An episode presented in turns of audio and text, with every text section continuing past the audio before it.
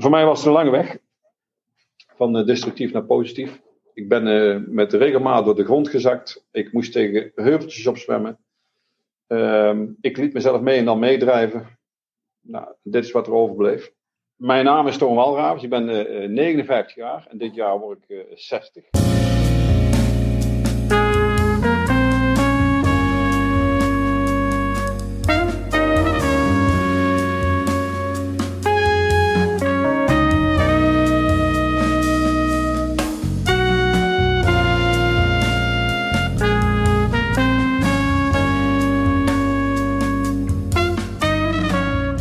Ik ben ooit begonnen als uh, woonbegeleider.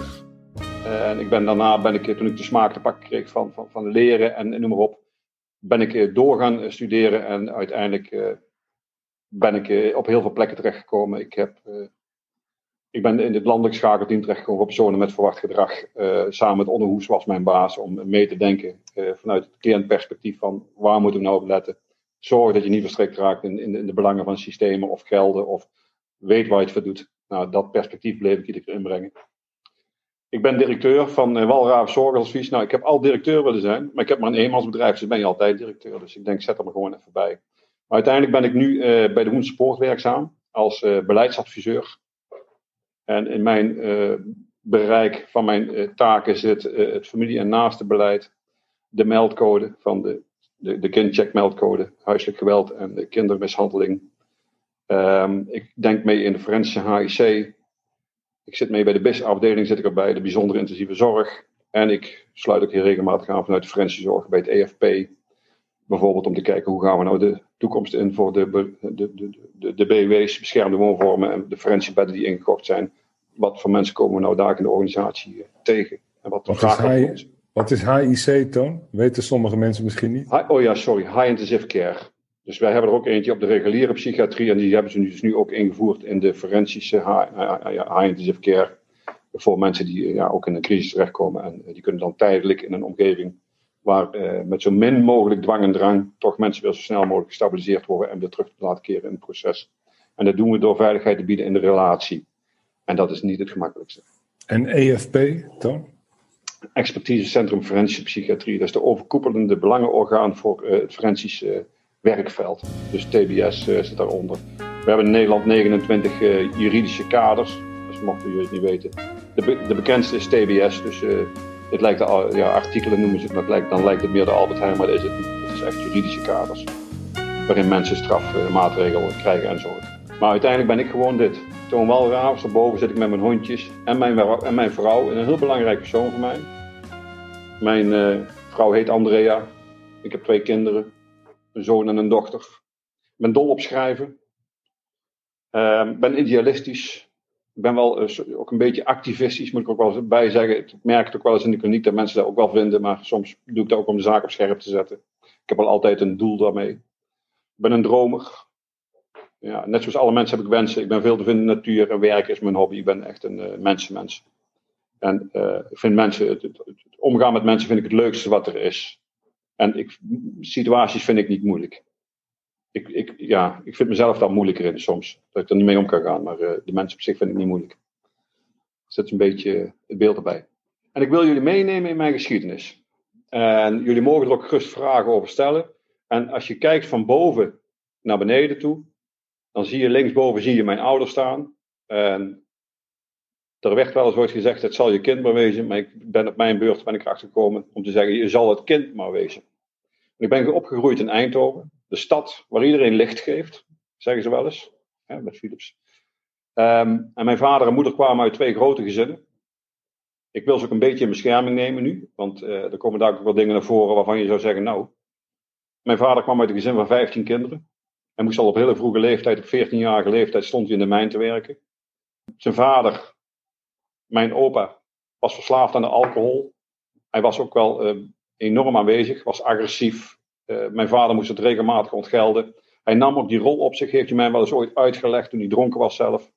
Om zijn eigen zusjes en broertjes in bescherming te nemen, nam hij het wel voor waar dat hij de klap op ging vangen. En ook voor zijn moeder. Nou, die man die moest mij opvoeden, dus die had niet veel meegekregen. Is mijn moeder tegengekomen, ook uit een groot gezin. Uh, ook van 9 tot 10 kinderen. uiteindelijk zijn die twee elkaar tegengekomen in een danszaal.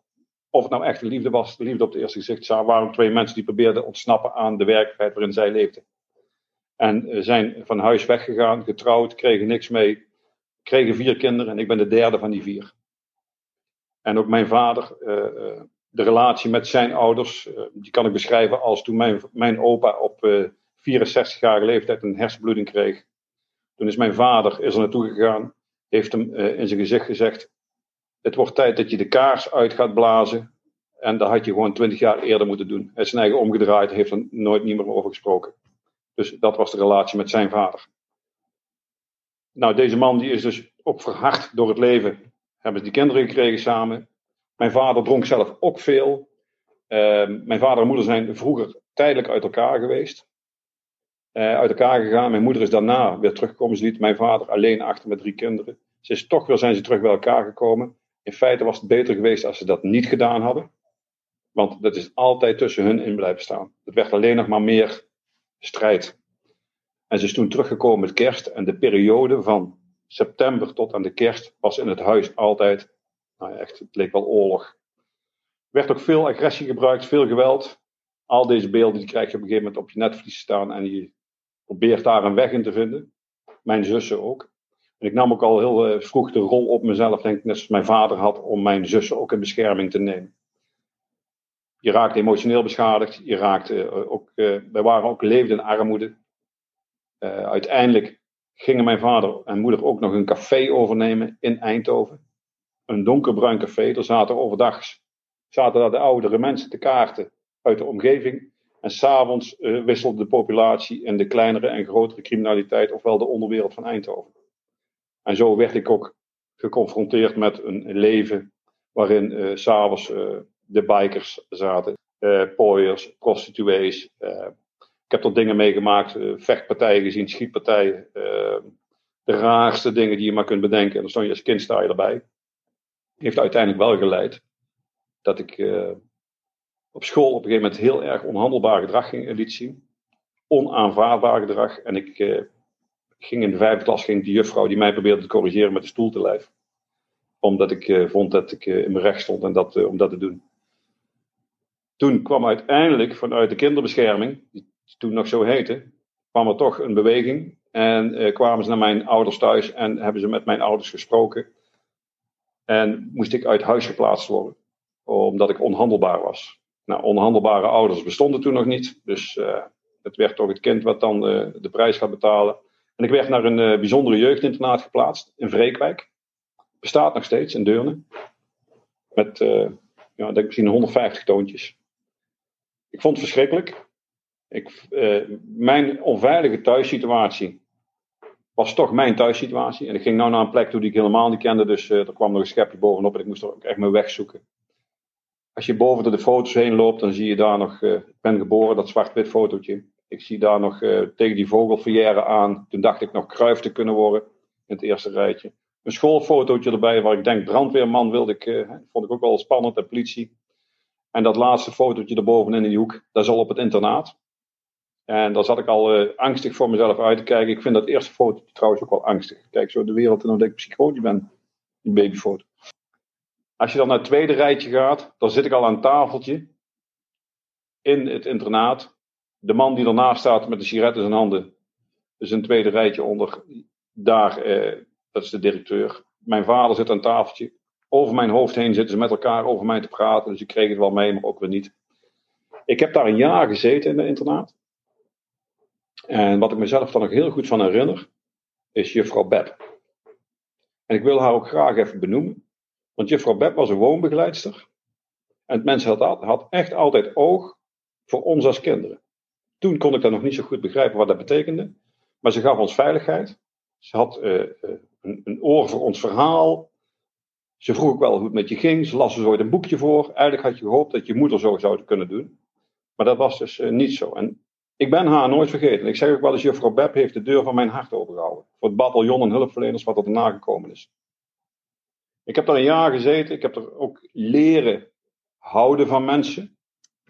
Bijvoorbeeld van juffrouw Beb en nog een paar. En ik heb ook wel wat vertrouwen teruggewonnen. Mijn zelfbeeld veranderde weer wat positiever. En uiteindelijk word je na een jaar teruggeplaatst naar je thuissituatie. En er was helemaal niks veranderd. Er was alleen maar erger geworden. Dus je wordt terug in de volgende teleurstelling gezet. Nou, ehm, toen ik thuis kwam, ik vond het thuis helemaal niet leuk. Ik vond het helemaal niks. Ik heb het nog geprobeerd op een LTS, maar ook daar kon ik al niet meer mee. En ik werd eh, naar levensscholen, kwam ik op te zitten. Dus de lompscholen, zoals ze ze toen noemden. Uh, er was weinig uh, oog voor ons als kinderen, of voor mijn zussen niet, die al heel vroeg van school af werden gehaald om in de kroeg te werken. Zagen er goed uit, die vrouwen. Die waren ook goed bedeeld, laat ik zo maar eerlijk zeggen. Daarvoor werden ze ook achter de bar gezet. Eigenlijk triest als ik het zo terug lees, ook links en rechts in, rapportages. Wie ze zelf in het dossier hebben verklaard, deze soort dingen. Um, ik was veel op straat te vinden. En ik ben op een gegeven moment aan gaan sluiten bij een groep jongens. Waarvan ze zeiden verkeerde vrienden. Nou, dat zeiden andere ouders ook over mij. Met die Toon Walraafs kun je beter uh, buiten de buurt blijven, want die deugt niet. Ik raakte verslaafd aan de softdrugs. Ik raakte op uh, 13-jarige, 14-jarige leeftijd uh, verslaafd aan de alcohol. Ik had veel wisselende relaties. Als je kijkt naar de derde foto, die tweede foto in dat rijtje, daar met die twee andere jongens, die zijn er allebei al niet meer. Ik was in die, groep waar ik mee optrok. En die derde foto met die sigaret in mijn, in mijn mond, ik weet niet of dat een, een joint is, ik hoop het niet. Dus uh, met die vele krullen. Ik had veel wisselende relaties. Ik had een vlotte babbel. En ik kon de relaties goed aangaan, maar ik kon ze niet in stand houden. Want ik had dus niet geleerd hoe je investeert in een ander. Ik was alleen maar puur met mezelf bezig. Ik ben met die groep jongens ben ik uh, op een gegeven ogenblik criminele activiteiten gaan doen, van straatroof tot ja, geweldpleging en noem maar op. Ik kwam bij justitie in handen en ik, uh, ik kwam op 16-jarige leeftijd kwam ik in de Heijakker terecht, in de jeugdgevangenis. Een hele spannende periode, waarvan ik al heel snel uh, in de gaten had van wie de, het hoogste in de hiërarchie was in die jongensgroep. Ik denk, nou, dan moet ik heel snel langskomen, want niemand wil onder in de, in de pikorde zitten. Dus ik had wel vaardigheden ontwikkeld om te kijken van wie is hier nou. Ik had niet de spierballen om mezelf omhoog te werken, maar ik had wel het verstand. Nou, mensen die heel erg slim zijn, die zijn soms nog moeilijker in de omgang met anderen als waarvan je weet, nou, die doet het op die manier. Nou, ik zorgde wel altijd dat ik op dezelfde plek, de beste plek terecht kom, zodat ik niet in die pikorde onderin zat. En um, daarmee leer je ook weer vaardigheden aan. Hoe dat je, nou ja, je wordt zo manipulatief als maar zijn kan. Um, en dat manipuleren, dat bracht mij ook wel weer ergens naartoe. Dat, uh, ja, je leert mensen gewoon te lezen. Dat doe je uit, uit, uit veiligheid voor jezelf. Je leert jezelf iets aan wat. Uh, en je leert gedrag in die, in die kleine in die instellingen, in die jeugdgevangenissen. Uh, overlevingsgedrag zou ik toch maar noemen. Hè. Nou, daar heb je buiten helemaal niks aan. Binnen win je er iets mee en buiten hou je er mensen mee op afstand. Ik ben volgens mij geen domme jongen dan durf je nog iets te zeggen over jezelf, maar ik, ik, noem het toch maar. En ik zag ook dat er in de criminaliteit een ladder zat, een asociale ladder. En langzamerhand begon ik te klimmen. En ik begon ook te bekijken van, wat kan ik nou eh, bereiken in het leven? Ik heb wel geprobeerd tussendoor mijn handen te laten, mijn geld, eh, met handen, mijn geld te verdienen, maar ik, ja, dat lukte me allemaal niet zo. Ik vond het ook allemaal niet zo heel erg interessant aan werken. En eh, omdat ik ook zo niet opgegroeid was. Ik uh, ben een paar keer psychotisch geworden. Ik ben op een gegeven moment harddrugs gaan gebruiken, cocaïne. Ik gebruikte best grote hoeveelheden. En als ik heel veel gebruikt had en veel gedronken. Ja, ik heb niet die chronische. Ja, ja, die chronische psychose. Maar ik, als ik ga gebruiken of drinken. Dan kan ik er donder op zeggen dat ik in de prijzen zit. Dan, uh, nou, heb ik een paar keer gehad. Dat viel wel mensen op. Maar er werd eigenlijk weinig mee gedaan. Want in de omgeving waar ik vertoefde. deed iedereen vreemd. Dus dat is. in een van de relaties die ik gekregen heb, um, is mijn, mijn uh, dochter uitgeboren. Die is nu uh, eh, 33 jaar.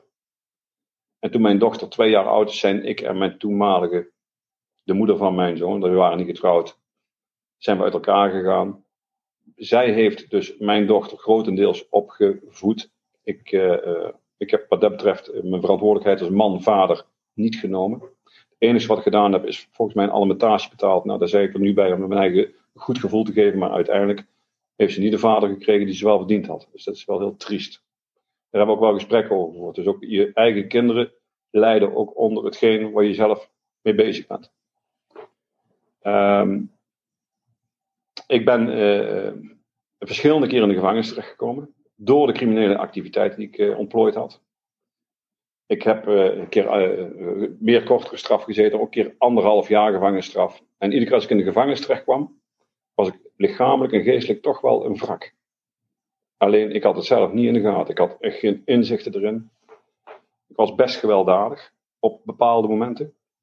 Als ik in die gevangenis terecht kwam, die structuur, die justitie mij gaf, die duidelijkheid, die regels. Ik eh, stopte meteen met gebruiken, want ik was in de heijakker, was ik een paar keer gesepareerd geweest. Toen dacht ik bij mezelf, nou, dat is eh, niet wat ik zoek, dat is niet wat ik wil. Daar eh, kon ik niet zo goed mee omgaan. Dus ik wist in de gevangenis waar ik mezelf aan moest houden. En door mijn vaardigheden die ik ontwikkeld had, dat manipulatief gedrag, wist ik ook al heel snel de beste baantjes te bemachtigen. Reinigersbaantjes. Nou, dan kun je zeggen, reinigersbaantje, wat moet je daar dan mee? Nou, dan mag je bijvoorbeeld op alle afdelingen komen, waar normaal andere mensen niet komen. Uh, ze brachten eens mee en dan een haringje voor mijn medebewaarders. Nou ja, die is binnen niet te krijgen, dus uh, grotere dingen hebben ze nooit meegebracht. Dus uh, ik wil ze even toch onschuldigen hier. Um, maar ze kwamen ook wel zondagsmiddags een keer bij mij Formule 1 kijken. Op de tv. Een keer, zo, dus je, je, je brengt toch wel wat meer andere gesprekken. En je kreeg vertrouwen van ze. Nou ja, de vertrouwen is niet opgebouwd. ik heb anderhalf jaar ergens gezeten. Iedere ochtend deed iemand de deur open, een gevangenisbewaarder bejegening het daar een hele andere vorm als, en dat is nog steeds, want ik spreek nog steeds gedetineerden. Ik wist die persoon precies, elk rimpeltje in zijn gezicht kende ik. En aan de manier van goedemorgen zeggen wist ik of dat je in het verkeer vast had gezeten in de file of ruzie had gehad met zijn vrouw of man. Ligt me net aan wat je, wat je mee samenleefde. En wist ik waar ik mezelf aan moest houden. Hij wilde de zaak, of zij, de zaak managebaar houden.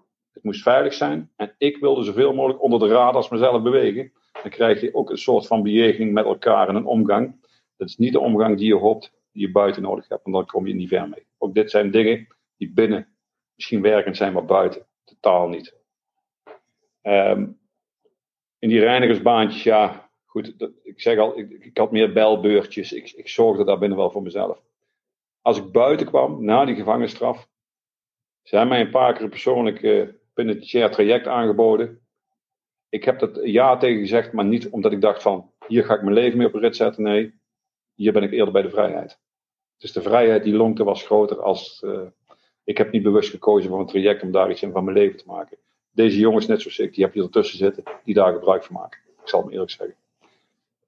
Veel trajecten die uitgezet worden, zijn ook veel uh, gericht op kansrijke mensen. Want als je kijkt van uh, wat er in de gevangenis terechtkomt, 80%, ja, ik hoef het je niet te vertellen, heeft of een lichtverstandelijke beperking, van die 80%, zoveel procent dus, zoveel mensen zijn er verslaafd, zoveel mensen hebben psychiatrische problemen. Nou, ga maar eens, kijk maar eens wat daar terecht komt in die gevangenis. Nou, dus daar, nou, meer hoef ik eigenlijk niet te zeggen. Iedere keer als ik buiten kwam, was ik zien de ogen weer opgeknapt. En stonden mijn vrienden buiten. En ging het leven, pakte ik weer op op de manier. En de criminaliteit. Uh, met drugsverkopen, met van alles en nog wat. En die ene laatste keer dat ik in de gevangenis zat, anderhalf jaar gevangenisstraf, en daar komt eigenlijk wel een heel belangrijk kantelpunt. Want ik merk wel dat ik toch wel wat in het leveren was, ook lichamelijk. Ik had alweer een aantal relaties gehad, die stuk gelopen waren. Naar mijn dochter keek ik nog steeds niet zoveel naar om. Maar toen kwam ik eh, buiten een anderhalf jaar en toen vroeg een nichtje aan mij of ik haar even weg wilde brengen. Zij moest naar een adres toe uh, voor iemand die haar ondersteunde ergens. En, en ik heb dat gedaan en zij belde aan en toen deed er, uh, de deur ging open en toen deed er een vrouw open. En die vrouw is voor mij enorm belangrijk geweest. Um, die vrouw die, dat was een verpleegkundige. En wij keken elkaar aan. En ik kan niet zeggen dat ik dat liefde op het eerste gezicht was, dat weet ik niet. Ik heb geen vergelijkingsmateriaal. Maar ja, ik, ik was wel geraakt door haar. Het was een eh, lieve vrouw, een leuke vrouw, heel puur. En wij kregen een uh, relatie. Een hele intense relatie. We gingen samenwonen. Ik verzweeg mijn achtergrond. Want ik voelde wel dat ik uh, hier, dit niet moest delen. Heel oneerlijk. Ze kwam uit een goed nest. Haar vader was uh, ex-marinier, noem maar op. ook een heel rechtvaardige man. Alleen, ik, ja, ze raakte zwanger van onze zoon. Want de eerste foto daar, dat is mijn dochtertje. Met het blauwe trainingscheck wat ik aan heb. Dat is mijn dochtertje. Daarnaast, daar staat een foto van mij en mijn zoon. En um, die zoon, die. Uh, zij is bevallen van onze zoon. Langzamerhand kon ik mezelf toch niet losmaken van die wereld waar ik in zat. Dus ik, ik, was bezig met een dubbel leven. was ik weer cocaïne gaan gebruiken. uiteindelijk is dat ook wel opgevallen in haar familie. Haar vader had ook contacten met andere mensen. En uiteindelijk is het bij haar binnengedruppeld hoe ik in elkaar stak. En ik kwam ja, s'avonds bij haar thuis. En toen zei ze van, ik weet niet wie jij bent. Zei ze, maar ik heb over jouw dingen gehoord die, ja, ik, snap er helemaal niks van. Als, dit, als de helft maar waar is, dan. Uh, ja, en jij kunt nooit de vader voor mijn uh, zoon zijn, uh, die, die, ik zoek. Nou, dat heeft geleid dat wij uit elkaar zijn gegaan. En uiteindelijk is dat wel de, de, een hele grote knieval voor het leven geweest, de zoveelste keer. Ik kon mezelf ook niet inhouden. Ik, ik ben steeds meer drugs gaan gebruiken. Wat ik ook niet in de gaten had, ik werd steeds onvoorzichtiger en ook wij als groep waren bezig nog steeds met criminaliteit. We hadden niet in de gaten, de justitie ons uh, in de gaten hield al anderhalf, twee jaar. Wij werden geobserveerd, werden de telefoons afgetapt. Um, als ik op de wc ergens zat, uh, zaten ze lekker langs mij of ik zat ergens te eten. Alles werd netjes genoteerd en uiteindelijk zijn wij gearresteerd in Nederland met een groep van zes mensen. Werd een grote zaak en uh, wij kregen met elkaar 30 jaar gevangenisstraf. En die werd onderverdeeld in, eh, in die, onder die zes mensen. En uh, justitie vond dat ik een van de leiders was. En dus ik kreeg vijf jaar. Een andere kreeg ook vijf jaar. En zo werden die dertig jaar onderverdeeld. Het kan wel een hele grote mond opentrekken. Maar dan zit je uiteindelijk zit je in die cel. En dan moet je weer vijf jaar. En dan wordt die deur toch net iets dikker als dat die in werkelijkheid is. En ik zat. Uh, het laatst gebruikte ik 8 gram cocaïne. Dus ik had flink wat van mezelf geëist ook. Ik ben uh, uh, toen een brief gaan schrijven toen ik uh, in de gevangenis zat in die eerste maanden van die vijf jaar. Naar de moeder van mijn zoon. Ik zat er echt helemaal doorheen. Eh, en ik voelde me eigenlijk wel slachtoffer. Hè, want uiteindelijk wil je daar niet zitten. En ja, ben je dan, waarom ben je slachtoffer? Nou ja, slachtoffer dat je daar zit. En ja, ik heb het allemaal zo moeilijk gehad. Nou ja, je kunt van alles opnoemen uiteindelijk kom je ook nog daarin terecht. Daar hou je ook nog erg aan vast. Dus je bent niet met veel meer andere dingen bezig dan echt naar de toekomst te kijken. Ik heb die brief geschreven. Ik heb leren lezen en schrijven in de gevangenis. En die brief heb ik naar mijn, uh, de moeder van mijn zoon geschreven. En ik heb er ook alles in geschreven. Maar daar kon je in zien dat ik uh, het overzicht kwijt was. En dat ik ook half psychotisch was. En dan had ik deze keer geen drugs. Maar de angst en het verdriet. En ik denk als zo door moet, kan ik net zo goed uit het leven stappen. Zo begon ik te denken. Nou, die brief heb ik geschreven en ik heb er ook ingeschreven dat ik op 14-jarige leeftijd, eh, daar stond al ergens geschreven dat ik met misbruik te maken had gehad. Alles had ik erin gezet. Nou, ze heeft die brief gelezen. Ik had haar uitgenodigd naar de gevangenis te willen laten komen. Ze kwam niet. Ik ben overgeplaatst naar een andere gevangenis en ik had er al niet meer op gehoopt. En toen gebeurde er eigenlijk een klein wondertje. Ik kreeg uh, in één keer uh, te horen van het maatschappelijk werk dat ik bezoek kreeg. En uiteindelijk begint daar mijn verhaal uh, andere kleur te krijgen. Dat was Andrea de moeder van mijn zoon.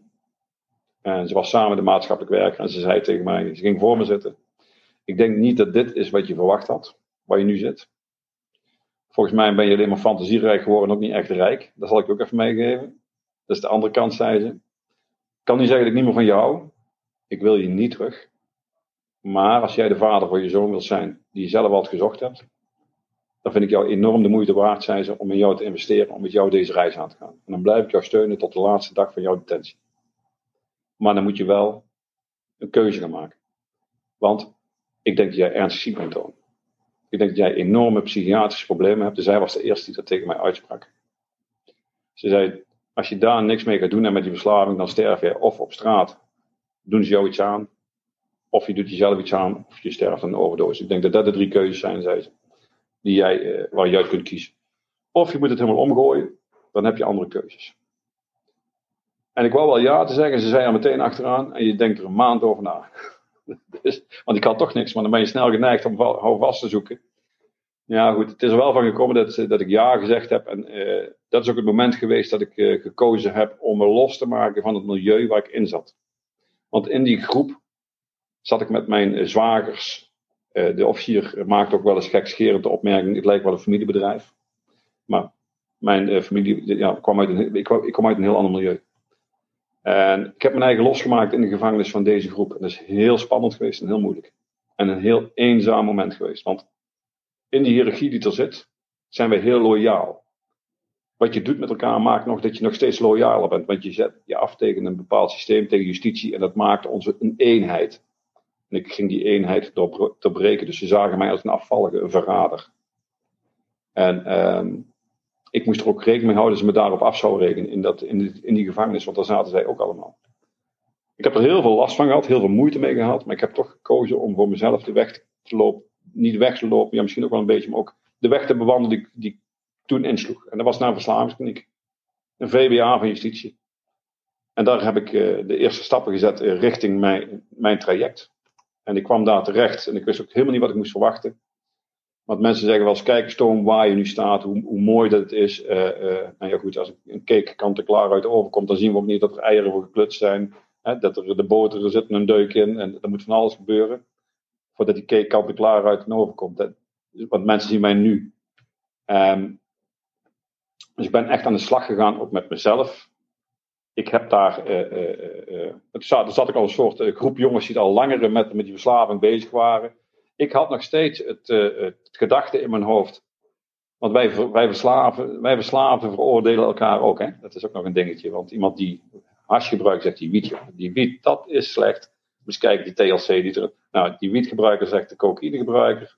Nou, alles. Uiteindelijk is die echte verslaafde, is die man met die spuit in zijn arm die in de sloot ligt. Ja, onzin natuurlijk, want we hebben hier groepen vol zitten met jongeren die wietverslaafd zijn. En na zes maanden durfde ik te zeggen dat ik verslaafd was. En ook uh, daar hulp bij nodig had.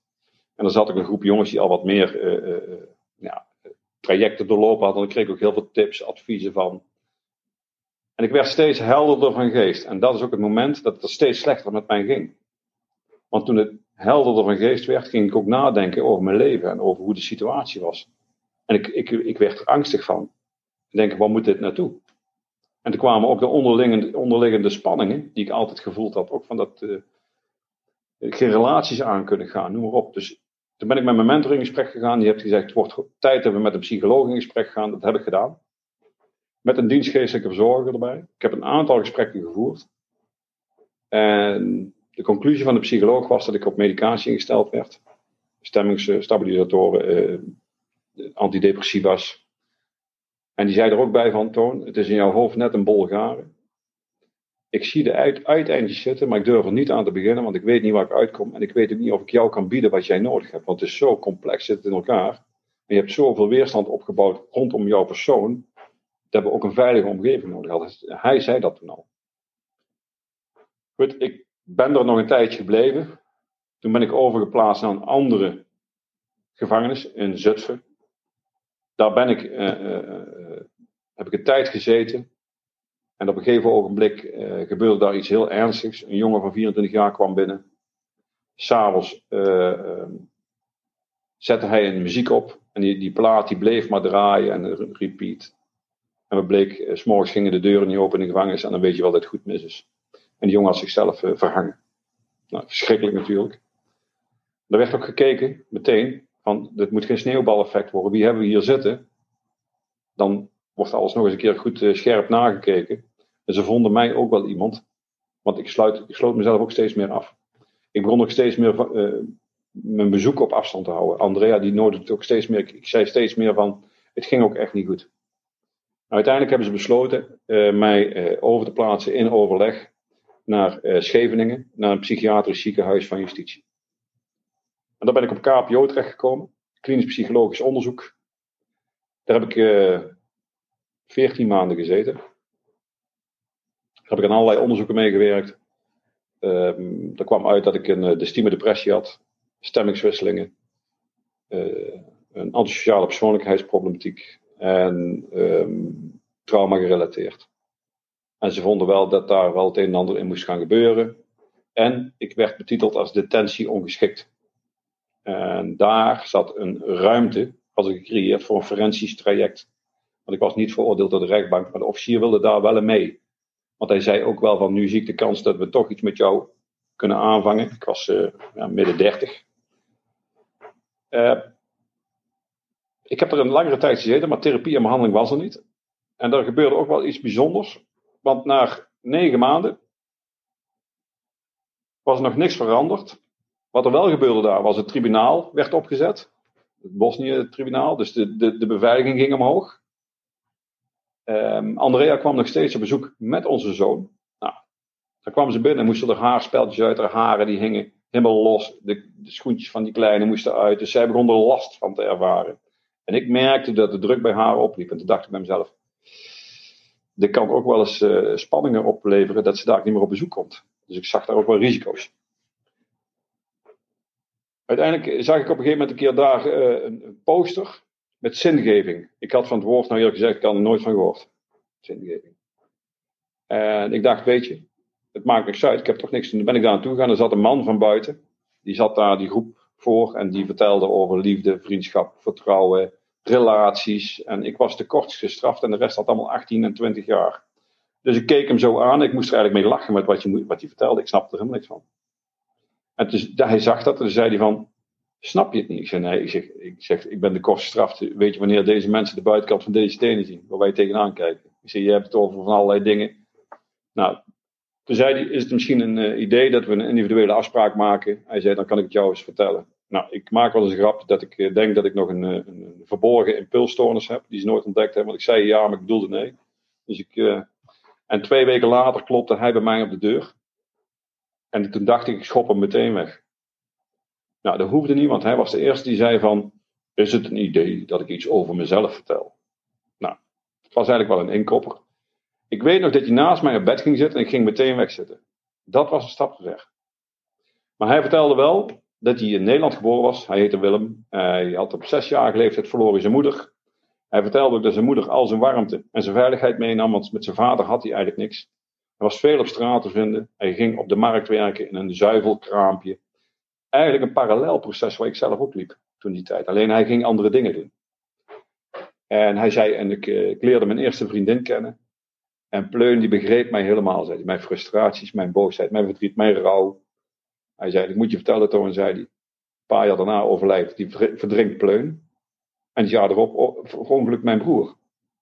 Hij zei, alles waar ik van hield in mijn omgeving, ging dood. En toen dacht ik, laat ik maar gewoon uh, uh, uit het leven gaan. Dus ik denk, waar ben ik in terecht gekomen, dacht ik eerst. En toen vertelde hij, en toen pakte ik nog wat spulletjes van Pleun, en er lag een bijbeltje en een dagboekje. En in dat dagboekje had Pleun dingen over hem opgeschreven. Hij zei, nou, toen wist ik van, ik moet hier gehoor aan geven en ik moet terug die samenleving in en het beste van mezelf geven aan andere mensen die ook in zo'n positie terecht zijn gekomen. Dat dacht ik toen al, zei hij. Ik heb wel meteen gevraagd wat er in dat boekje stond. Toen zei hij wel ook van, had het aan jou geschreven? Ik zeg nee, nee en dan zou ik het ook niet vertellen, zei Dus het was voor mij.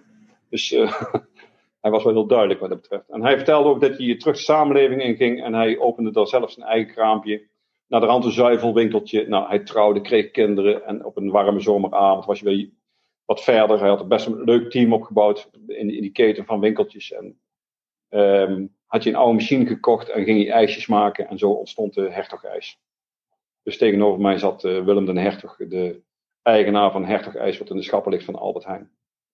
Ik dacht eerst dat die man zomaar iets vertelde, maar achteraf blijkt het wel waar te zijn, want ik werk er nu mee samen. En hij vertelde uh, dat hij een heel groot imperium opbouwde. En op een gegeven moment zaten ze bij, op een avond bij elkaar in een bekend hotel. En ze zouden nog een doorstart gaan maken in, uh, met, met zijn bedrijf. Nou, op die avond is er iets gebeurd, heeft met geloof te maken. Een stem in hem zei van, nou God Willem, ben je nog wel gelukkig? Hij zei, ik keek in de spiegel, ik zag alleen maar leegte. Iedereen wilde iets van mij. Ik was verantwoordelijk voor veel geld. Dag erop zit het management beneden. Ik ben naar beneden gegaan. Ik heb uh, tegen hen verteld in mijn spijkerbroek, terwijl de rest in de smoking zat, zei dat ik alles ging verkopen.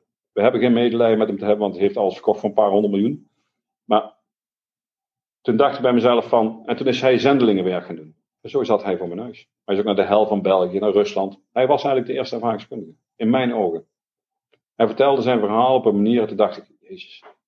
En dat wilde ik eigenlijk ook. Dat geld was natuurlijk verleidelijk voor een crimineel als ik, maar het ging echt ook wel over dat verhaal wat hij vertelde, hoe dat hij zijn leven op een rit gekregen had. En toen ben ik naar de hoofdbehandelzaken gegaan, dat heb ik uh, gevraagd of dat ik alsjeblieft uh, naar een kliniek mocht. Dat was het eerste moment. En uh, ik heb natuurlijk overlegd met Andrea. En toen is er eigenlijk uitgekomen dat ze gekozen hebben voor Eindhoven, GGZ Eindhoven. Het is nu, het staat hier boven de kliniek de Woenspoort, heet het nu. Het was toen de D-kliniek. Was hier totaal kleiner. Het is nu de grootste kliniek van Nederland. En ik ben daar naartoe gegaan. om aan mijn problemen te werken. Aan dat misbruikverleden, aan die verslaving, aan die complexiteit van psychiatrie. Het zat echt verweven in elkaar. Het was ook moeizaam. Maar ze hadden wel de expertise en de deskundigheid in huis uh, om mij uh, te helpen. Ik heb tien jaar lang dezelfde behandelaar gehad. Ton Kuipers, ik mag hem noemen. En Ton en ik hebben echt in de, nou ja, de top 10 van langdurige relaties, uh, zei ik altijd, stadje op twee. Dus we hebben het goed volgehouden met z'n tweeën.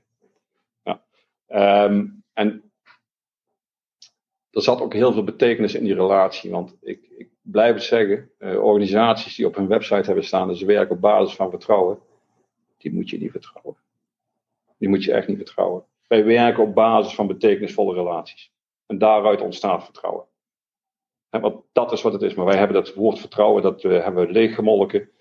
Het betekent nogal iets. De betekenis die in een relatie legt, zegt ook iets over hoe de behandelduur of wat dat uh, met iemand is. Goed. En uh, Ton en ik hebben ook over heel veel dingen gesproken.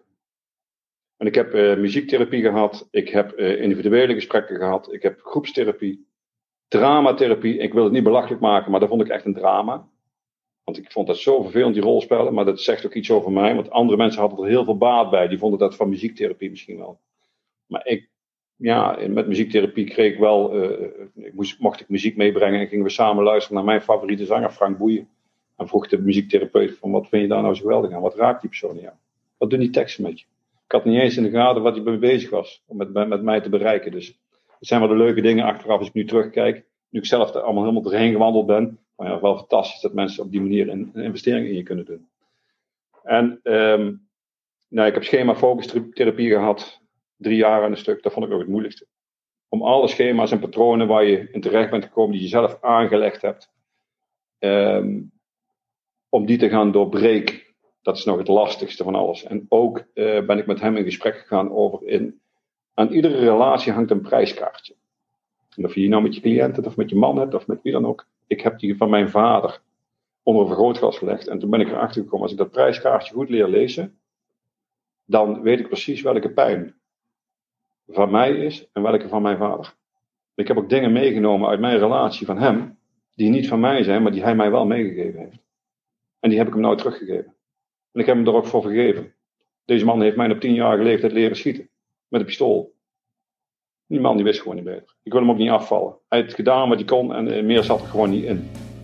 En uh, hij heeft ook zijn goede dingen gedaan. Dezelfde handen die heel vervelende dingen gedaan hebben.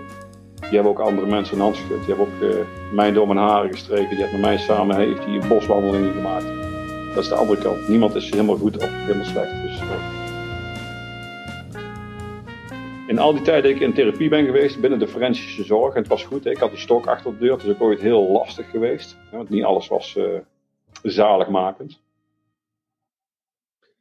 Ik heb ook met Ton, uh, liep ik ook tegen bepaalde dingen aan, bijvoorbeeld dat ik, ik, ik moest leren vader te zijn, terwijl ik dat eigenlijk nooit geleerd heb. En dan kwam ik terug omdat ik dat zo moeilijk vond en zei ik tegen Ton, hoe moet ik dat nou doen? Nou, dan pakte hij mijn dossier, gooide die aan de kant en zei hij, nou, ik ben zelf ook papa van drie kinderen, vertel het eens jongen, waar loop je tegenaan? Nou, dat leer je niet op school. Het moet wel constructief zijn. Ik zeg niet iedereen het achterste van zijn tong moet laten zien. Nee, het moet iets bijdragen aan het proces van de ander. En dan kun je ook iets van jezelf laten zien. Um, na zes jaar kreeg ik te horen dat ik niet te genezen was. Nou, ik ging niet dood. Ik moest wel uitkijken dat ik niet moest decompenseren. Ik vergeet het woord nooit, maar ik dacht dat ik terminaal was. Ik zeg een moeilijk woord, had ik nog nooit gehoord in mijn leven. Decompenseren. Ik heb drie keer uit laten leggen. Dus uh, de taal die wij gebruiken is ook nogal een dingetje hoor. Um, maar toen hij dat mij uitlegde, dacht ik, oh ja, ja, ja, ik moet eens uitkijken dat ik geen gekke dingen ga doen weer. Als niet gebruiken en dit, soort dingen allemaal. Dat, de taal. En toen zei hij, weet je Toon, wat we gedaan hebben is jouw gedrag hebben onder de loep genomen. We hebben jou handvatten gegeven. We hebben jou handreiking gedaan om ook grip te krijgen op datgene wat eerst grip op jou had. En je hebt nu grip op dat. En dat doe je goed. Hij zei, ik ga gewoon de samenleving in en daar ga want, Nou, dus ik ben super enthousiast over jullie allemaal. Ik zie jullie niet allemaal nu, maar het moeilijkste in het leven is, ik geef les nu in het collegezaal, dan kijk ik omhoog en dan zitten die mensen mij aan te kijken, die jonge studenten, van kijk eens wat hij bereikt heeft. Terwijl ik denk, daar zitten ze mijn helden. Hoe lang ben ik hier zelf niet voor weggelopen om dit te kunnen? Ik heb de kans gehad, ik heb hem ook heel lang zelf niet gegrepen. En ik legde ook aan hun uit, ik zeg, door weer en door wind rijden jullie hier morgens om iets van je leven te maken. Zo simpel is dat niet. Dus ben trots op jezelf. Wat ik gedaan heb is misschien wel veel gemakkelijker als, als wat jullie hebben moeten doen om hier te kunnen zitten. En wat jullie ook allemaal doormaken, want iedereen maakt dingen mee het leven. Nou, ik ben de samenleving gegaan, het UWV, andere uh, uh, financiële instanties waar ik van afhankelijk werd. Nou, straks hadden we het er al een beetje over van welke instanties werken dan mee en tegen. Hè, want dat, dat, is ook een systeemwereld die werkt niet altijd in ons voordeel. Wij richten dingen in die ooit haak staan op de, op de uitvoering. Dus ik viel nog onder justitie. Ik viel onder de GGZ. Ik was afhankelijk van de gemeente. En ik had met reclassering te maken.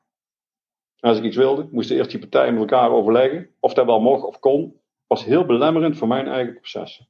En soms wilde ik iets gaan doen, een training of zo. En moesten zij met zwieren bepalen wie dat ging betalen. Nou, terwijl ik dan op een gegeven moment was die training al uh, weer af, afgelopen, kon niet eens deelnemen. Dit soort dingen. Geld moet ondersteunend zijn aan processen van mensen. En wij hebben met zo elkaar getimmerd, dat, uh, is een beetje een, pijnpunt van mezelf voor dit. Dus frustratie hoor je er wel in. Uh, ik ben met UWV uh, gaan praten. Nou, kan je vertellen, daar hebben ze een bakje.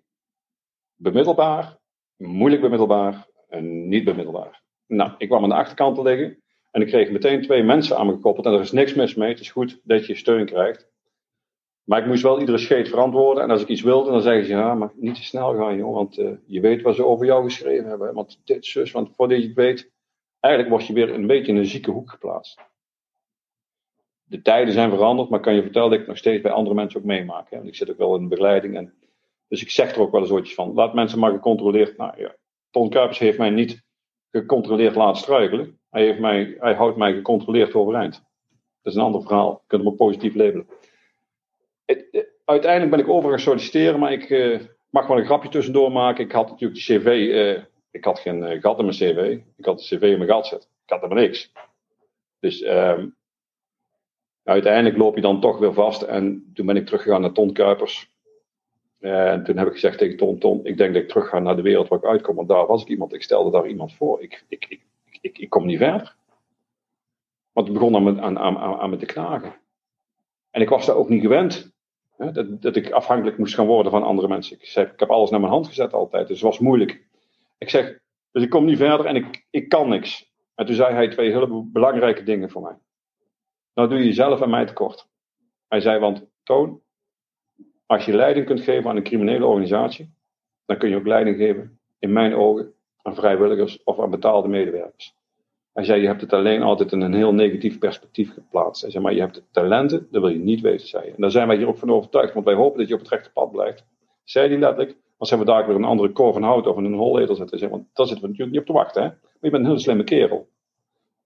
En hij zei van, en wij hebben ook iets. Hij zei, jij kunt manipuleren als de beste. Hij zei, beste vriend, zei hij, wij noemen dat in de hulpverlening positief beïnvloeden. Ik ga jou helpen, zei hij, om die twee dingen is positief en vanuit behandeling werd hij mijn coach, eigenlijk een beetje. En hij is mij gaan stimuleren. Toen ben ik naar een cliëntenbelangenbureau gegaan, hier bij GGZ Eindhoven. De French kliniek ligt hier 150 meter terug. Ik zit op dat bureau nu, het cliëntenbelangenbureau. En ik wist, twee, het is dezelfde organisatie, en ik wist helemaal, had ik er nog nooit van gehoord. Dat er een herstelbureau was binnen GGZ Eindhoven, omdat ik in de forensische zorg zat. En ik kwam daar binnen en het wemelde van de vrijwilligers. Er werden trainingen en cursussen gegeven. Daar liepen een aantal uh, ervaringsdeskundigen rond. Ik had er nog nooit van gehoord, van het woord. En ik sprak toen met de coördinator, Christ Wezenbeek. Inmiddels helaas overleden. En die man die ging met mij een gesprek aan en die vertelde een heel verhaal over zichzelf. Dat hij hier ook opgenomen was geweest. En die had zichzelf iets aangedaan. En zijn familie had hem daar door op laten nemen. Nou, uiteindelijk was hij daar doorheen gekomen. En uh, hadden ze hem gevraagd of dat hij hier iets wilde gaan betekenen, een bureau opzetten. En hij vertelde dus heel zijn geschiedenis. En toen zei ik, met de trajectbegeleider erbij, ik vergeet het nooit, maar ik was er nog niet zo wel bespraakt. Dus als ik het goed begrijp, ben je hartstikke gek geweest. Je hebt er je werk van gemaakt en je krijgt nog geld voor ook nog. Ja, zei hij, wij noemen dat ervaringskundigheid. dus op die manier ging het eigenlijk een beetje dat gesprek. Hij zei, maar ik zou jou eh, toch wel willen verzoeken om eens een keer wat eh, hersteltrainingen te gaan doen. Nou, dat is wel goed geweest, want dan kom je ook een beetje los. Het doorbreekt ook de sleur van het uh, nou ja, van, de, van het hulpverlenerschap waar constant mee te maken hebt. Je blijft maar in een afhankelijke positie zitten. Dat doe je zelf ook iets aan hoor. Want ik wilde ook eigenlijk de relatie die ik met Ton had, wilde ik niet verbreken. Want we hebben keer op een gegeven moment hebben afgesproken, zullen we een, einde gaan breien aan onze, relatie, want de behandelrelatie. En ik, eh, ik zeg, nou, kunnen we dat wel op een manier doen dat dat niet te vlug gaat. En ik merkte wel, vond ik wel heel spannend. Want vergis jezelf niet hoe belangrijk dat je bent, jullie allemaal, voor de mensen waar je mee werkt. Mensen vinden jullie heel belangrijk. En ik kan het beamen, want ik kom door heel Nederland. En dan kom ik bij mensen die hier bij ons gezeten hebben. En die zeggen dan, ken je van de team van de Volte, Marieke en John, de groetjes doen. Als ik dat dan doe, dan zeg ik, oh, ik wist niet dat wij zoveel betekenen voor. Uh. Dus weet wel dat het wel zo is. Dat je heel belangrijk bent. Ik uh, ben daar trainingen en cursussen gaan volgen. En uiteindelijk is dat het, uh, een start geweest. Nog steeds met steun van Andrea. En um, ik ben toen mee eh, de, de, de, opleidingen gaan ontwikkelen voor ervaringskundigen in Eindhoven. Hebben ze mij bij gevraagd. Nou, uiteindelijk hebben we de eerste opleiding SPW met ervaringsdeskundigheid. Nou, die hadden we klaar, die hadden we ontwikkeld. En toen dacht ik bij mezelf, ja, waarom zou ik hem zelf niet gaan doen? Ik, ik had nooit op school gezeten, dus uh, ik ben die opleiding doen. Het was gewoon de SPW met modules ervaringskundigheid erin. We hadden onze eigen uh, docenten opgeleid, ervaringskundigen, dus didactisch opgeleid. Die draait nu nog, maatschappelijke zorg specifieke doelgroepen. En uh, ik had nooit zo gezeten, maar ik, uh, ik, kan je vertellen, ik studeerde af met een 9,8 als hoogste van school. Dus het zegt niks over mensen. Er zitten hele slimme mensen en iedereen heeft zijn eigen niveau. En kijk, die 9,8 is, ik ben de enige die hem nog ziet hangen volgens mij bij mij op kantoortje thuis. En verder rest uh, kijkt niemand meer naar. Het is fijn voor je eigen om dat te weten. En toen had ik ook de smaak te pakken van leren. Ik ben zo ben ik de GGZ binnengerold. GGZ Eindhoven. En ik heb samen met andere mensen aan een stuk ervaringskundigheid mogen werken. Ik heb heel veel projecten mogen ontwikkelen. De Halte, een respijthuis. Uh, voor mensen die in een, een crisissituatie dreigden te raken. Nou konden ze een tijdje een time-out nemen voor twee weken. Werden begeleid door ervaringskundigen. Sociale kaart aangelegd. Zat geen behandeling en therapie op. Wel een sociale kaart van de omgeving. Klaverblad. Voor mensen die geen levenswens meer konden formuleren. Die konden daar met ervaringskundigen ze moesten wel hun huis beschikbaar houden voor zichzelf. Maar door de week mochten ze daar wonen, het weekend thuis. En we hebben daar, uh, nou, ik moet er om liggen, maar 60, 70 tal mensen gehad. We hebben ook afspraken gemaakt. Als je jezelf toch denkt te moeten suicideren, want een doodswens kun je niet hebben, want we weten niet wat het is. Maar geen levenswens kunnen formuleren, daar kan ik me iets bij voorstellen. Nou, twee mensen hebben toch besloten van die 60 om het leven te beëindigen. En hebben ze niet in dat huis gedaan uit respect voor de mensen daar. Uh, maar 58 mensen, of misschien wel meer zelfs, hebben wel een weg gevonden weer in de samenleving. Dus we hadden wel hele waardevolle projecten opgezet.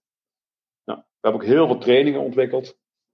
Maar op dit moment vanuit uh, heel Brabant ook mensen hier te komen om die te volgen. We hebben zelfs uh, op dit moment 80, 90 ervaringskundigen nog in dienst. Allemaal wel MBO, HBO geschoold, daar moet ik er wel bij zeggen. dat heeft ook te maken gehad omdat de inspectiedienst op een gegeven moment van ons eiste. Want mensen vielen niet terug op hun eigen ervaringen als ze ergens terugvielen, maar meer omdat ze geen werknemersvaardigheden hadden. En ook niet wisten hoe een organisatie in elkaar zat. Dus ze zelf doelen aan gingen leggen bij kinderen en jeugd met, met jongeren, terwijl zijn team daar volop mee bezig was. Dus daar vonden ook toestanden plaats die wij zeiden van oké, okay, dat moeten we anders gaan doen. Dus nu hebben we het zo neergezet. We hebben het wel ook zo neergezet dat alle randvoorwaarden dan ook goed moesten zijn. Dus mensen starten hier in functie waardering 45. Of je nou MBO of HBO school bent, starten hier in 45. Ik heb uh, uh, heel veel opleidingen mogen doen. Ik ben tussendoor ook hoofdopleider geworden van de Rino-groep, uh, de steunend relationeel handel, hè, de SRH.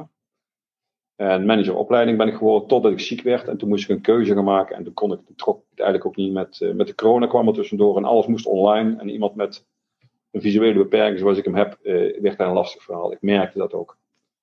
En toen heb ik de keuze gemaakt in overleg met de raad van bestuur, waar ik nog acht uur werkte bij GGZ Eindhoven, om terug te keren naar de GGZ.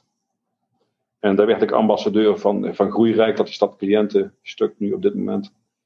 Um, en ik ben beleidsadviseur dus voor de Hoensport. Ik heb een fantastisch leven op kunnen bouwen. Dat had ik zonder al die hulp en ondersteuning. Want ik blijf het zeggen, uh, met alle protocollen, richtlijnen, methodieken, theoretische kennis, diploma's, produceren we geen gram liefde mee. Helemaal niks. Het zit me echt in de relatie die je aangaat met de ander. Ik ben wel overtuigd van de kwaliteit en de deskundigheid van de mensen die in de zorg werken. Zonder hen had ik hier vandaag niet gezeten. Was ik hoogstwaarschijnlijk dood geweest. Dus wat dat betreft bedank ik ook altijd iedereen die vanuit het scherm naar mij toe kijkt, want dat is wel wat het is. Ook al is het soms voor mensen ook moeilijk te vangen, hè, voor cliënten zelf of als je het inzicht niet hebt of het vermogen niet hebt om dit zo te kunnen bedenken. Maar ik zeg het wel altijd tegen cliënten. Besef wel dat een hele grote groep mensen. Wij horen hier ook wel eens zeggen dat moeders tegen en vaders tegen ons zeggen van ja, maar ons, ons Marian die heeft niemand meer. En Marian zat erbij en zei: Ja, mama, is niet waar, want ik heb hier een heel team. Wel mooi als iemand dat zegt, hè, dat, dat, die dan ook goed voor hun kinderen zorgen. Of voor hun, nou, dit soort dingen maken we ook mee. Ehm, en ik denk ook dat je, uh, ja, alles wat je kunt winnen is vanuit die, van die, uit die oprechte ontmoeting. En volgens mij ja, zeggen we daar niks nieuws mee. Ik denk wel, ik ben enorm gecharmeerd van de, van, van, vanuit het verhaal, hè, vanuit de narratieve therapie, laat ik het zo maar zeggen. Ik heb een, een deel van de opleiding, eh, ik ga nog verder afronden bij Johan van de Putten in Gent. Um, en het leuke daarvan was van, als je vertrekt vanuit het verhaal, als je Toon Walravens tegenover je hebt zitten en je zorgt dat Toon in zijn verhaal blijft, dan uh, voorkom je ook dat je daar hokjes op gaat plakken. Of dat je ook daar een labeltje neer gaat hangen op hem. Laat Toon maar vertellen. De mooiste vraag die je daarbij kan stellen is zeggen, vertel eens. Ik loop daar even door de PowerPoint heen, met, met rooks doen we zo meteen. Maar als je het op die manier doet, dan uh, kan Toon ook op zijn manier zijn, zijn positie bepalen in het gesprek. Want daarmee hou je hem zijn verhaal. En bepaal ik mijn positie tegenover mijn behandelaar bijvoorbeeld. Tegelijkertijd bepaal ik ook mijn positie tegenover mijn problemen, want het zijn mijn problemen. Niet die van de ander. Die ander kan zo ook naar kijken. Die kan dan ondersteunend gaan zijn uh, naar, naar, het proces toe. Uh, want wij zitten heel snel in de oplossing te denken. En die is niet altijd meteen. Ik denk dat het goed is om mensen te ondersteunen in het bedenken van oplossingen. Die kunnen heel klein of groot zijn of wat dan ook. Een heel groot verhaal, wat ik nu aan jullie verteld heb volgens mij. Ik, uh, als ik kijk naar de foto's, ik, ga even, ik kijk ook tegen een beetje een beeld aan eh, van, van, van, van, hokjes. Um, nou, daar zie je nog mij met mijn zoon. Nou, daar zie je al de grauwe tint op mijn gezicht. Toen was ik heftig verslaafd. Ik ben hier doorheen gekomen. Uiteindelijk zijn Andrea en ik bij elkaar gebleven. We waren afgelopen december 25 jaar bij elkaar. En toen zeiden we ook tegen elkaar, nou, dit hebben we toch maar mooi voor. Hè? Dit hebben we toch goed gedaan samen. Ik heb wel aan haar gevraagd, waarom ben je bij mij gebleven? En ze zei, toen ik jou zag, toen was je helder van geest. Ik zag iets goeds in jou. Nu, dat we door de zwaarste storm heen zijn, weet ik, als ik dat ik me als mens niet vergist heb. Dat is voor mij ook heel belangrijk, zei ze. En ze zei, want het is enorm belangrijk dat ik, dat nog steeds de juiste inschatting kan maken. Ze zei, en uh, weet je, sommige mensen uh, worden geboren, die hebben zuurstofgebrek. Die krijgen een beschadiging en kunnen er niks aan doen. En sommige uh, jongeren die krijgen zoveel shit over zich uitgeschud. Ze zei, um, het is niet de vraag of ze gaan ontsporen. Het is meer de vraag wanneer, als wij er niet op tijd bij zijn als samenleving, als hulpverlening. En hoe dat we dat dan ook moeten doen, is maar een vraagstuk, zei ze. Maar we moeten echt uh, uh, investeren. Ze zei wel bij ook van, zorg dat je nooit met de problemen gaat komen, want ik, ik, ik ga het nooit meer overdoen. Want ik heb wel een investering gedaan voor de toekomst. Ze zei, want, uh, en dat is dan ook weer, want dat wil ik wel meegeven. Um, ze had graag een tweede kind gewild. En ze heeft ervoor gekozen om dat niet te doen. Want ze zei van, ik kreeg jou terug. Want ze is, in, die forensische is ze niet echt betrokken geweest bij mijn proces. Het is echt voor haar enorm tegengevallen. Want ze kreeg op een gegeven moment wel iemand terug van dat ze niet wist van, nou, waar moet ik dan op letten? Nou hebben we familie naast, betrekken we al veel meer. Dat, dat, moet nog veel beter. Maar ze zei, ik wilde graag een tweede kind, maar ik kreeg jou. En jij was mijn tweede kind, zei ze. Want ik moest gaan uh, nadenken van hoe we daar samen verder konden. En, uh, daarvoor heb ik hiervoor gekozen. Ze heeft ook een hele andere grote investering gedaan. En ik, uh, daar kan ik mezelf schuldig onder voelen, maar ik, uh, ik, ik, weet dat ze het graag gedaan heeft voor mij. En ik, ik ben haar ook eeuwig dankbaar. En ook de mensen die in mijn proces betrokken zijn geweest. We waren 25 jaar bij elkaar. Het team, ik, heb, ik stuur hier samen met een collega, ik stuur, ik ben mede verantwoordelijk voor het team hier. Achter mij zit een team van uh, 12 mensen, ook ervaringskundigen. Doe ik samen met een andere manager. En nou ja, ik ben ook mede verantwoordelijk voor de andere ervaringskundigen. Dus ze hadden allemaal een kaart, hadden ze allemaal iets ingeschreven voor mijn 25 jaar samen zijn met, dat was ook wel weer leuk, met, met Andrea. Die foto daar waar ik haar een kus op de wang geef. Ik had die dag konden we nergens naartoe. Dus had ik alle routes uitgestippeld waar wij gewoond hebben, maar ook waar onze verandering ingezet is. Ik ben terug naar het huis van bewaring gegaan. Zij wilde niet, ze zei, ze wist het niet, maar ze zei wel, ik ga niet naar binnen. Ik ga hier niet naar binnen. Ik zei, dat hoeft het niet. We gaan ervoor staan en we laten die oude herinneringen laten we hier achter en we gaan nieuwe herinneringen maken. Ik we, stappen, we gaan vooruit stappen. Ik zeg niet meer achterom kijken, vooruit. Nou, dat hebben we die dag ook gedaan. Dus uh, nou, we hebben er een fantastische mooie dag van gemaakt. In team, teruggekeken, maar ook vooruit gekeken. Ja, dus er zit een belangrijk verschil tussen opgeven en weten wanneer het genoeg is geweest. Dat is heel belangrijk. En um, bij mij was het genoeg geweest. Ik, ik, ik, ik, had niet opgegeven. Ik ben een vechter, ik ben een strijder. Ik ben, uh, en ik heb ik met struikelen, met vallen en opstaan ben ik uh, naar staan en opvallen gekomen. Dat is gewoon een feit. Maar ik had wel iets ontwikkeld wat uh, vrij complex in elkaar zat. Hè. Het zijn onderhand net acteurskwaliteiten, zeg ik wel. Ik had, het leven speelde ik voor gewoon. Nou, dat, dat, moet je niet doen, want uh, ben je zelf om de tuin aan het leiden, ook anderen. En ik beschik ook wel uh, over het vermogen, en dat, heb ik nog steeds, om fantasieën te maken. Dat doe ik nog steeds. Wensen en dromen, die, die probeer ik ook uit te laten komen. En met sommige wensen en dromen die ik nog steeds probeer ik ook de werkelijkheid omzuilen. Ook waarbij uiteindelijk gaat wel ten koste van de kwaliteit van, van anderen en van jezelf. Je moet goed nadenken wat je doet. Ik heb op mijn rug gestaan Deo Volente. Betekent zo God het wil, alleen in de groep was de betekenis alleen Gods wil is wet. Wij hadden me iets anders geïnterpreteerd. Dus, uh, maar, dus iedereen heeft dat zijn eigen. Aan iedere. Uh, kijk, de GGZ moet steeds meer de samenleving in. De GGZ komt naar je toe deze zomer. Maar um, wij moeten ook uitkijken dat we niet iedere levensvraag gaan professionaliseren. Soms zijn het vragen die gewoon een luisterend oor nodig hebben, een schouder, um, waar je niet allerlei doelen aan hoeft te hangen. Dat is, nou, dat je ook weer vertrekt vanuit dat verhaal. Dus dat is wel een hele belangrijke. Uh, het is prettig om te weten dat iemand je zekert. Ik ben uh, in 2009 gestopt met behandeling. Uh, toen werkte ik al in de GGZ. En toen deed ik al veel dingen. En ik, ik dacht dat ik het allemaal wel onder controle had. Nou, het, het, het, het laatste was minder waar. Ik denderde maar door. En ik, op een gegeven moment werd ik zo depressief. Dat ik een gevaar werd ook voor mezelf. Ik zal het maar gewoon eerlijk zeggen. Ik luisterde ook niet meer naar mijn omgeving. Ik, mijn signaleringsplan, ik, heb een heel goed, ik, ik was dus een paar fases te ver al. En toen kwam er een goede collega van mij kwam naar mij toe, Matti. En Matti zei, verpleegkundige. En die zei tegen mij, Toon, mag ik jouw dossier openen? Hij zei, want uh, ik denk dat er iets goed mis aan het gaan is. In feite, diep in mijn hart, uh, wist ik het wel, dat, daar voel je het wel, maar je wilt het niet meer aan. Je wilt er niet meer aan. Hij opende het en hij liep met mij door mijn symptomen heen en toen zakte ik eigenlijk wel door mijn hoef heen. Uh, toen ben ik ook uit huis geweest. Ik ben wel weer terug ingesteld op medicatie toen. En ik ben uh, terug kunnen komen bij, de, bij Ton Kuipers, de behandelaar. Want ik wilde dat graag, dat, dat, dat, dat hij mij dan uh, zich zou ontfermen over mij. Dat kon toen allemaal. En het is prettig om te weten dat iemand je zekert. En hij, was, mijn, hij, zekerde mij. Hij zei, kom maar. En we hebben een, een tiental gesprekken gevoerd ben drie maanden uit huis geweest en toen ben ik weer, ik mocht wel blijven werken op een laag, beetje goede afspraken.